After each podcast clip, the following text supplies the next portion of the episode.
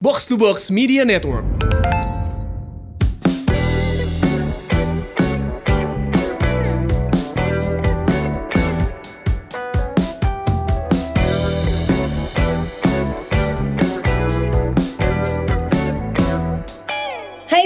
Welcome back. Ini dia podcast Semur, Sehat Makmur. Podcast yang mengajak kamu untuk sehat jasmani dan makmur finansial. Bersama saya Ligwina Hananto dan rekan podcaster saya. Hey hey. Halo, ada FX Mario di sini.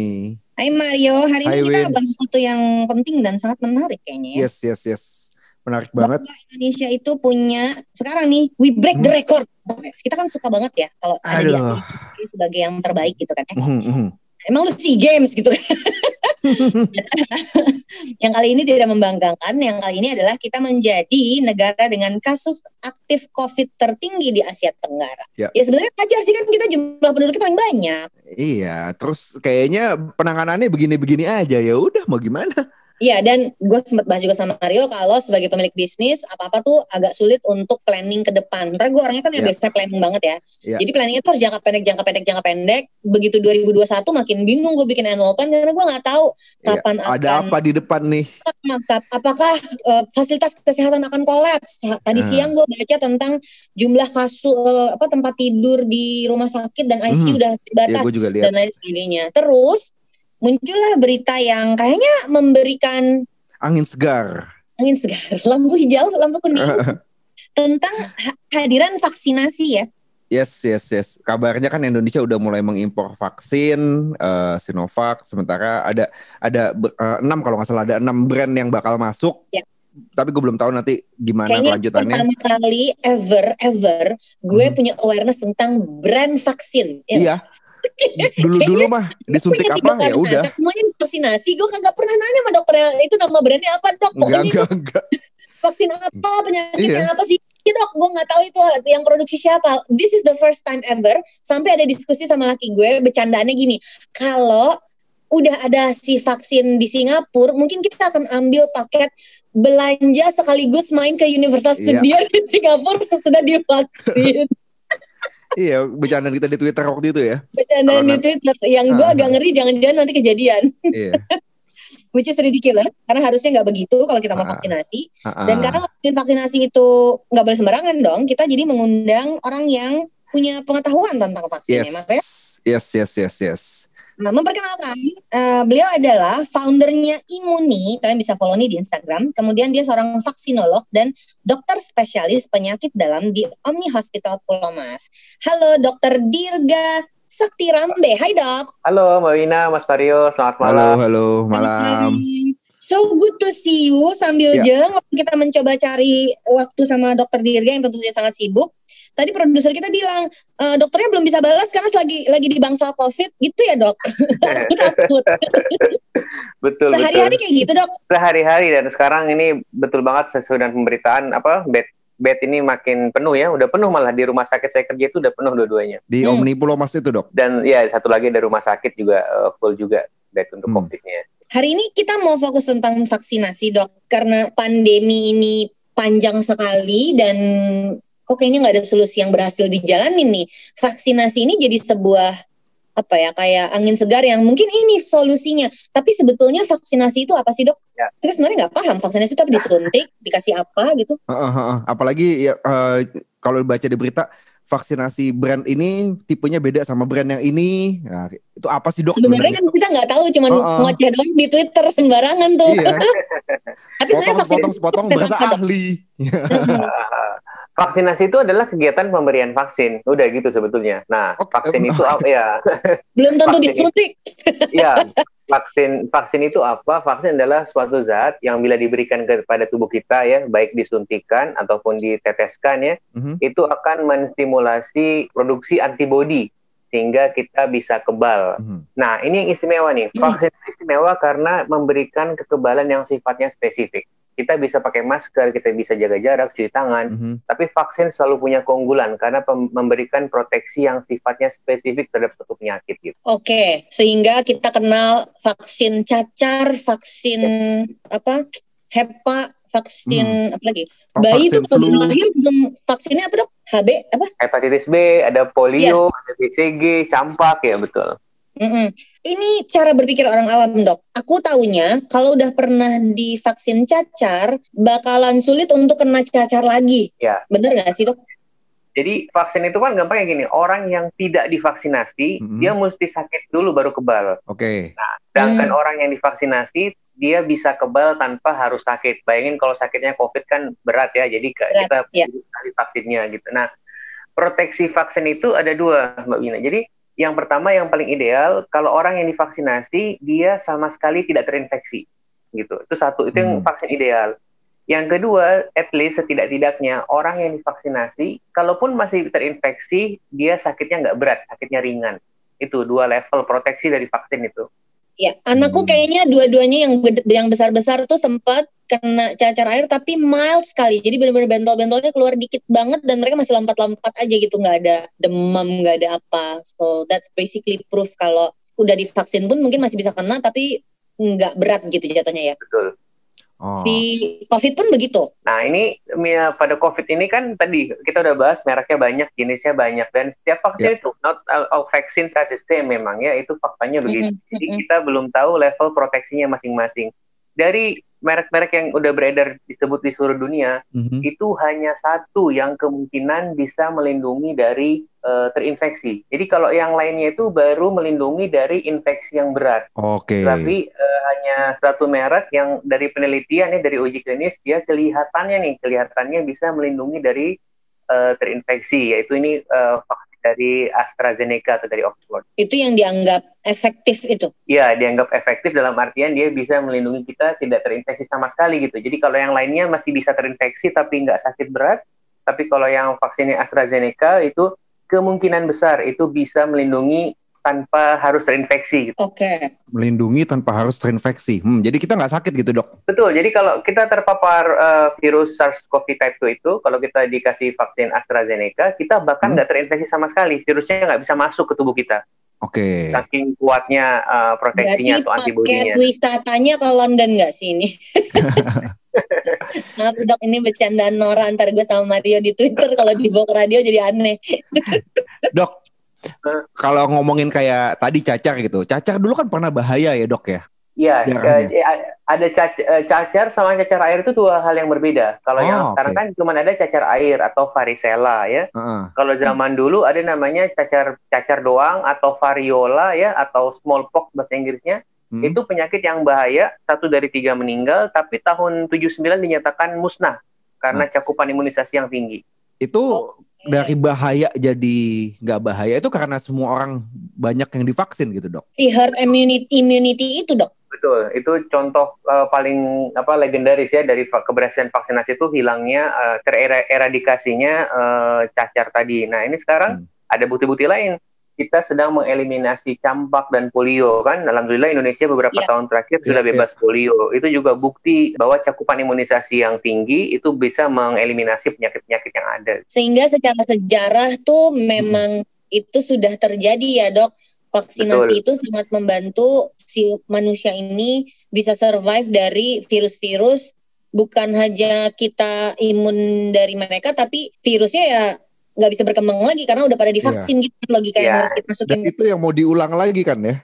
Ah, contoh sebaliknya, begitu cakupan imunisasinya turun, ya, misalkan di Jawa Timur cakupan imunisasi difteri, eh, tetanus seperti itu turun, Oh, udah iya. langsung outbreak. Nah, jadi kita udah bisa Oh. buktikan sebaliknya gitu. Jadi jelas ada hubungan sebab akibat gitu. setahun yang lalu atau dua tahun yang lalu ya dok difteri itu sempat merebak lagi sampai diharuskan vaksinasi difteri di sekolah-sekolah karena anak-anakku pada divaksin semua di sekolah Betul, betul. baru ya itu kasusnya baru ya dok Iya, baru beberapa tahun yang lalu, betul. oke Oke. Eh, dok ini pertanyaan yang agak ganggu jadi bedanya Sinovac Pfizer sama AstraZeneca itu apa dok Ya, jadi eh, apa namanya beberapa vaksin, merek vaksin itu sudah menyelesaikan atau merilis eh, laporan sementara ya. Jadi kenapa sementara? Karena gini, eh, vaksin itu untuk dapat eh, full approval ya, jadi betul-betul izin edar yang resmi, Mhm. itu dia mesti menyelesaikan eh, uji klinis fase 3 yang melibatkan ribuan orang. Oke. Sampai hari ini nih, sampai kita ngomong hari ini, itu belum ada satupun vaksin-vaksin tersebut yang menyelesaikan fase 3 seluruhnya. Oke. Tetapi Ya, tetapi ini kan ada pandemi, jadi mesti ada akselerasi. Nah, jadi oleh regu- oleh regulator ya, oleh FDA, oleh IMA itu Badan POM mereka ada mekanisme khusus namanya EUA, Emergency Use Authorization. Artinya Mhm. apa? Vaksin-vaksin ini nggak perlu tuntas Dipercepat sampai ya. selesai. Ya, tapi Mhm. dilakukan analisis eh, namanya interim analysis. Jadi di tengah-tengah itu datanya dilihat. Nah, oleh karena itu Pfizer sudah mengeluarkan datanya, kemudian Moderna sudah mengeluarkan datanya, terus AstraZeneca sudah mengeluarkan datanya. Nah, itulah yang kita lihat di TV kemarin 95 persen, turun 92 persen. Nah, itu sebetulnya gitu. Hmm, dok, kalau disebut 95%, 92%, apa yang terjadi pada 5% sisanya atau 8% sisanya, dok? Efek samping Oke. gitu dok maksudnya. Ya, sekarang 95 persen ya misalkan ya. Jadi Aha. eh, dengan eh, suatu vaksin memiliki efektivitas 95 persen. Artinya kalau ada 10 orang yang eh, divaksinasi, ya, Hmm, 100 deh, 100 orang divaksinasi, hmm. maka 95 persennya, 95 orangnya itu akan terlindungi. Oke, Nah, akan artinya dia ada punya antibodi seperti yang diharapkan, tetapi yang limanya tadi mungkin eh, tidak terlindungi. Mhm. Itu Mm-mm. kalau secara secara apa diterjemahkan secara harfiah. Tetapi sebetulnya cara bacanya bukan berarti lima orang ini tidak apa bu- bukan berarti kalau vaksin 95% artinya lima persennya tidak efektif tidak. Hmm. Artinya sebetulnya cara bacanya orang-orang yang divaksinasi itu 20 kan seperli apa 5% ya. Jadi 20 kali lipat eh, lebih kecil kemungkinannya untuk mengalami COVID yang berat gitu. Sebetulnya Oh, cara bacanya secara tepat begitu. Probabilitanya ya, Ya, bukannya binary 0 atau 1 gitu ya berarti ya, dok ya? ya, ha, ha, ha. Oh, I see, kayak gini-gini ini nggak bisa cuma nongol di media sosial, dispersi langsung informasinya emang harus dibahas ya. Iya iya iya iya. Selama ini aku mikirnya itu eh, ya aku pikir lima orang itu akan tidak ter eh, nggak punya antibody gitu kan ternyata enggak kan? Meninggal gitu lima lagi. iya atau lima itu punya efek samping gitu kan? Jadi apa Enggak, jadi enggak, bukan. jadi mutant gitu enggak? Sorry ya dok. Kami kalau kalau lagi lagi agak agak tegang begini malah bercandaannya ngaco soalnya. Jadi Nah, makin banyak ketawa berarti kita makin gak nyaman nih artinya dok. Eh, mau nanya itu nggak Mar vaksinasi oh lain iya. kan Kan maksudnya sempet- datangnya vaksin yang mana pun nanti dengan jumlah manusia kita yang sangat banyak pasti kan akan antri ya. Walaupun kita nggak antrian 43 juta kayak yang kita pernah baca di Twitter itu. Apakah Ngaco itu ada ya. itu bercandaan aja jadiin bercanda menurut gua. Apakah ada vaksinasi lain? Kayaknya dokter Ferdi Rifa yang pernah bahas uh, tentang vaksinasi flu sama Flu, vaksinasi pneumonia. Nah itu membantu daya tahan kita nggak sih dok Oh iya, sebenarnya itu yang bahas juga eh, saya di awalnya. Jadi eh, Ya. sekali lagi bahwa proteksi vaksin itu sifatnya spesifik. Jadi kalau vaksin COVID hanya untuk COVID gitu kan. Nah, Mm-mm. eh, vaksin COVID belum ada. Tetapi dari penelitian diketahui bahwa orang-orang yang pernah kena yang kena COVID ya, ini terkonfirmasi COVID Mhm. dan sebelum sakit dia itu pernah vaksinasi influenza, maka Hmm. ternyata derajat keparahan COVID-nya dan angka kematian COVID-nya itu lebih rendah. Oh. Itu penelitiannya di Brazil sama di Italia. Maka dianggap vaksin influenza itu punya proteksi, Nah, sehingga Oke. eh, dianggap vaksin influenza punya efek protektif terhadap COVID-19.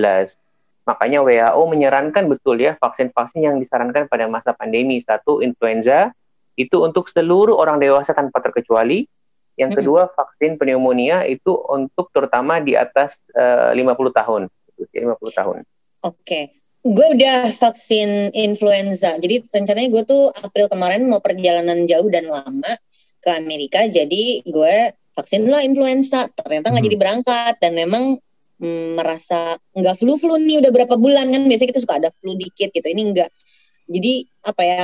Walaupun bukan nggak dites ke, ke COVID gimana, tapi merasakan manfaatnya gitu. Maria udah vaksin flu belum? awal tahun kemarin eh, itu kebetulan is- dilakukan berapa bulan ska, berapa dalam setahun berapa kali ya dok karena artinya kan kan kita mencari yang paling paling mudah dan paling paling cepat dulu nih aksesnya apa ya kalau covid belum berarti ini mungkin bisa jadi salah satu tambahan perlindungan gitu untuk jaga-jaga gitu kan Vaksin influenza itu diberikan setahun sekali. Kenapa? Karena setiap tahun virusnya yang muter-muter itu beda-beda. Makanya perlu diulang terus. wow Oh.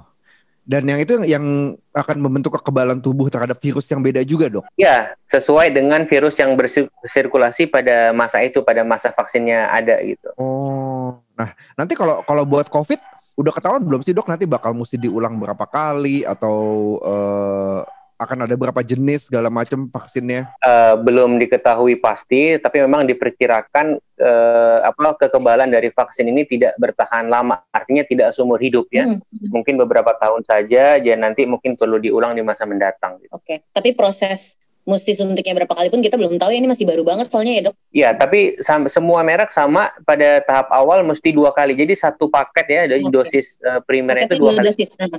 Dua suntik ya betul. Oke okay. uh, eh, ini pertanyaan yang mengulang yang tadi dok. Jadi vaksinasi itu bisa membantu kekebalan tubuh kita. Nah, kalau kita terpapar virusnya, masih bisa tetap sakit atau akan baik-baik aja? Bisa diulang nggak dok yang tadi udah dibahas di depan? Ya, kita belum untuk COVID ya, kita belum tahu jawabannya pasti. Tetapi kemungkinan besar eh, orang-orang yang divaksinasi COVID masih tetap dapat terinfeksi, masih tetap dapat menularkan, tetapi tidak mengalami COVID yang berat. Kalau yang udah dokter lihat atau ada literatur medisnya, orang yang udah pernah kena COVID itu apakah dia jadi kebal atau masih kemungkinan dia bisa terinfeksi ulang?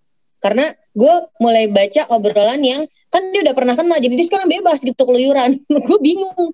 Bukankah oh. itu tetap berbahaya ya? Orang yang pernah kena COVID ya, orang yang pernah kena COVID mayoritas punya punya kekebalan. Punya kekebalan, ya. logikanya hmm. gitu kan? Punya, punya kekebalan, mayoritas punya kekebalan. Tapi tadi sekali lagi bahwa kekebalannya saat ini yang terbukti baru sampai 8 bulan, masih diikutin terus. Tapi sekali lagi kemungkinan besar kekebalannya tidak bertahan lama, mungkin hanya 1 sampai 2 tahun saja. Baik, ada satu nih yang yang sebenarnya cukup menakutkan, Dok. Kan baru ada berita baru sampai lockdown London. Iya, katanya ada mutasi baru. Iya, iya apalagi itu dok? Apa berubah menjadi zombie? Aku tuh bener-bener bercandaan itu saking gak nyamannya sama topik ini tuh selalu tiap ada apa yang lewat di Twitter selalu ingat sama si film I Am Legend itu loh dok yang Will Smith jadi sendirian. Yeah. dan semua yang habis kena uh, virus dan divaksin berubah jadi zombie. Bercandaan itu gitu ini apalagi dok mutasi itu gimana dok jadi namanya virus itu pasti bermutasi ya, itu satu. Yang kedua, sebetulnya ini kan COVID ini virus RNA. Dibandingin sama teman-temannya sama virus RNA, seperti virus influenza, virus HIV, hmm. sebetulnya mutasinya lebih lambat gitu. Okay. Tetapi okay. ya, tetapi memang untuk di Inggris ini agak beda ya. Jadi uh, di Inggris tuh apa namanya analisis uh, genomnya itu ini sekali, apa ekstensif sekali ya. Jadi mereka jago banget, hebat sehingga bisa mereka langsung mendetek bahwa ini ada kemungkinan mutasi yang berbahaya. Hmm. Berbahaya di sini saat ini dalam konteks terutama diperkirakan kemampuan menularkannya cepat banget, Mbak Lina. Hmm. Ya, tetapi uh, dalam konteks efektivitas vaksin kelihatannya tidak masih aman. Artinya vaksin mana pun pada saat ini masih bisa digunakan masih dan tidak terpengaruh dari mutasi ini. Ya. Oke. Iya. Aku punya pertanyaan terakhir nanti Mario kalau ada pertanyaan tambahan ya. ya ini ya. pertanyaan aku yang terakhir uh, gini dok tentang vaksinasi di Indonesia in general gitu. Kita tuh sebenarnya, sepengetahuan aku, bukankah termasuk negara yang cukup, aduh, ini bukan bermasuk jelek ya, agak otoriter soal vaksinasi. Artinya dibangun sistemnya sedemikian rupa supaya hmm. vaksinasi itu sampai sampai ke pelosok-pelosok karena ada puskesmas, ada posyandu. Setahu aku dari dulu kecil nonton unyil gitu ya, ya, ya. itu itu tuh propaganda nempel iya gak sih dok itu yeah, propaganda yeah. di kepala udah jadi vaksinasi vaksinasi vaksinasi waktu kita kecil tuh vaksinasi tuh datang dokter semuanya hmm, ke sekolah yeah. dan dan itu work gitu loh ya kan sekarang ketika diskusinya udah soal vaksin harus gratis atau tidak dan lain-lain. Tapi sebenarnya sistem vaksinasi massal di Indonesia tuh kayak apa sih dok? Yang zaman dulu zaman Orba tuh masih ada kan infrastrukturnya? Ya itu salah satu warisan yang baik buat kita sebetulnya ya. Artinya sistem ya. itu masih berjalan sampai sekarang. Mbak dari Aceh sampai Papua ya. Mulai dari tenaga kesehatan mulai dari kulkasnya. Vaksin ini kan mesti disimpan pada suhu 2 sampai 8 derajat Ya, hmm. Jadi kita, nah, nah ini salah satu pertimbangan juga. Jadi kita nggak bisa misalkan vaksin Pfizer itu sulit kalau kita beli buat Indonesia. Dia mesti disimpan yeah. pada minus 70.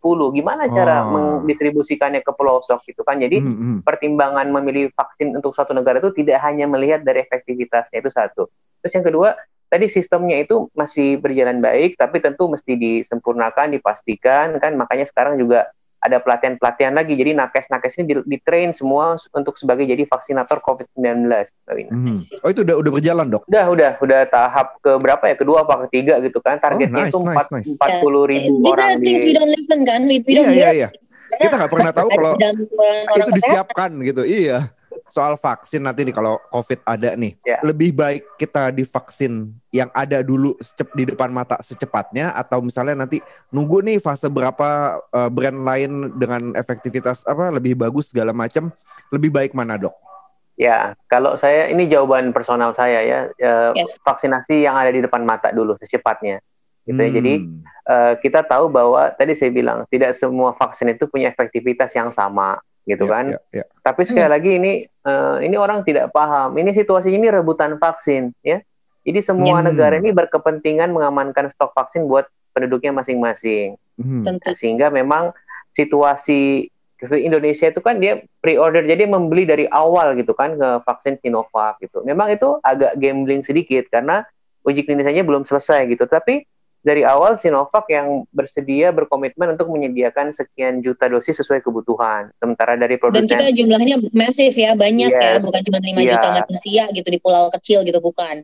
eh, dan produsen vaksin lain belum ada yang menyanggupi ke kebutuhan tersebut. Itu satu. Yang kedua, eh, vaksin Sinovac ini itu eh, platformnya atau eh, metodenya itu dengan namanya teknologi inactivated gitu. Jadi Hmm, hmm. Eh, sementara jadi ini ke depan ini eh, vaksin ini akan diproduksi oleh Bio Farma. See. Bio Farma itu siap siapnya itu dengan platform inactivated ini. Kita nggak bisa bikin vaksin mRNA, bikin vaksin yang lain nggak bisa gitu. Oke. Jadi memang, Hmm. nah, jadi memang pilihan, eh, saya tidak bilang pilihan terbaik, tapi pilihan yang paling ideal bagi Indonesia adalah vaksin-vaksin yang platformnya inactivated. Hmm. Jadi Ya. pilihan itu ada dua, salah satunya adalah Sinovac, yang kedua adalah Sinopharm, itu pilihannya. Oke, Dan oke, oke. Ada Bio Farma yang udah standby buat di Indonesia nya gitu Ya. ya, itu masuk Iya, akal iya. jadi sehingga Ya. nggak usah sok mau pilih brand vaksin deh.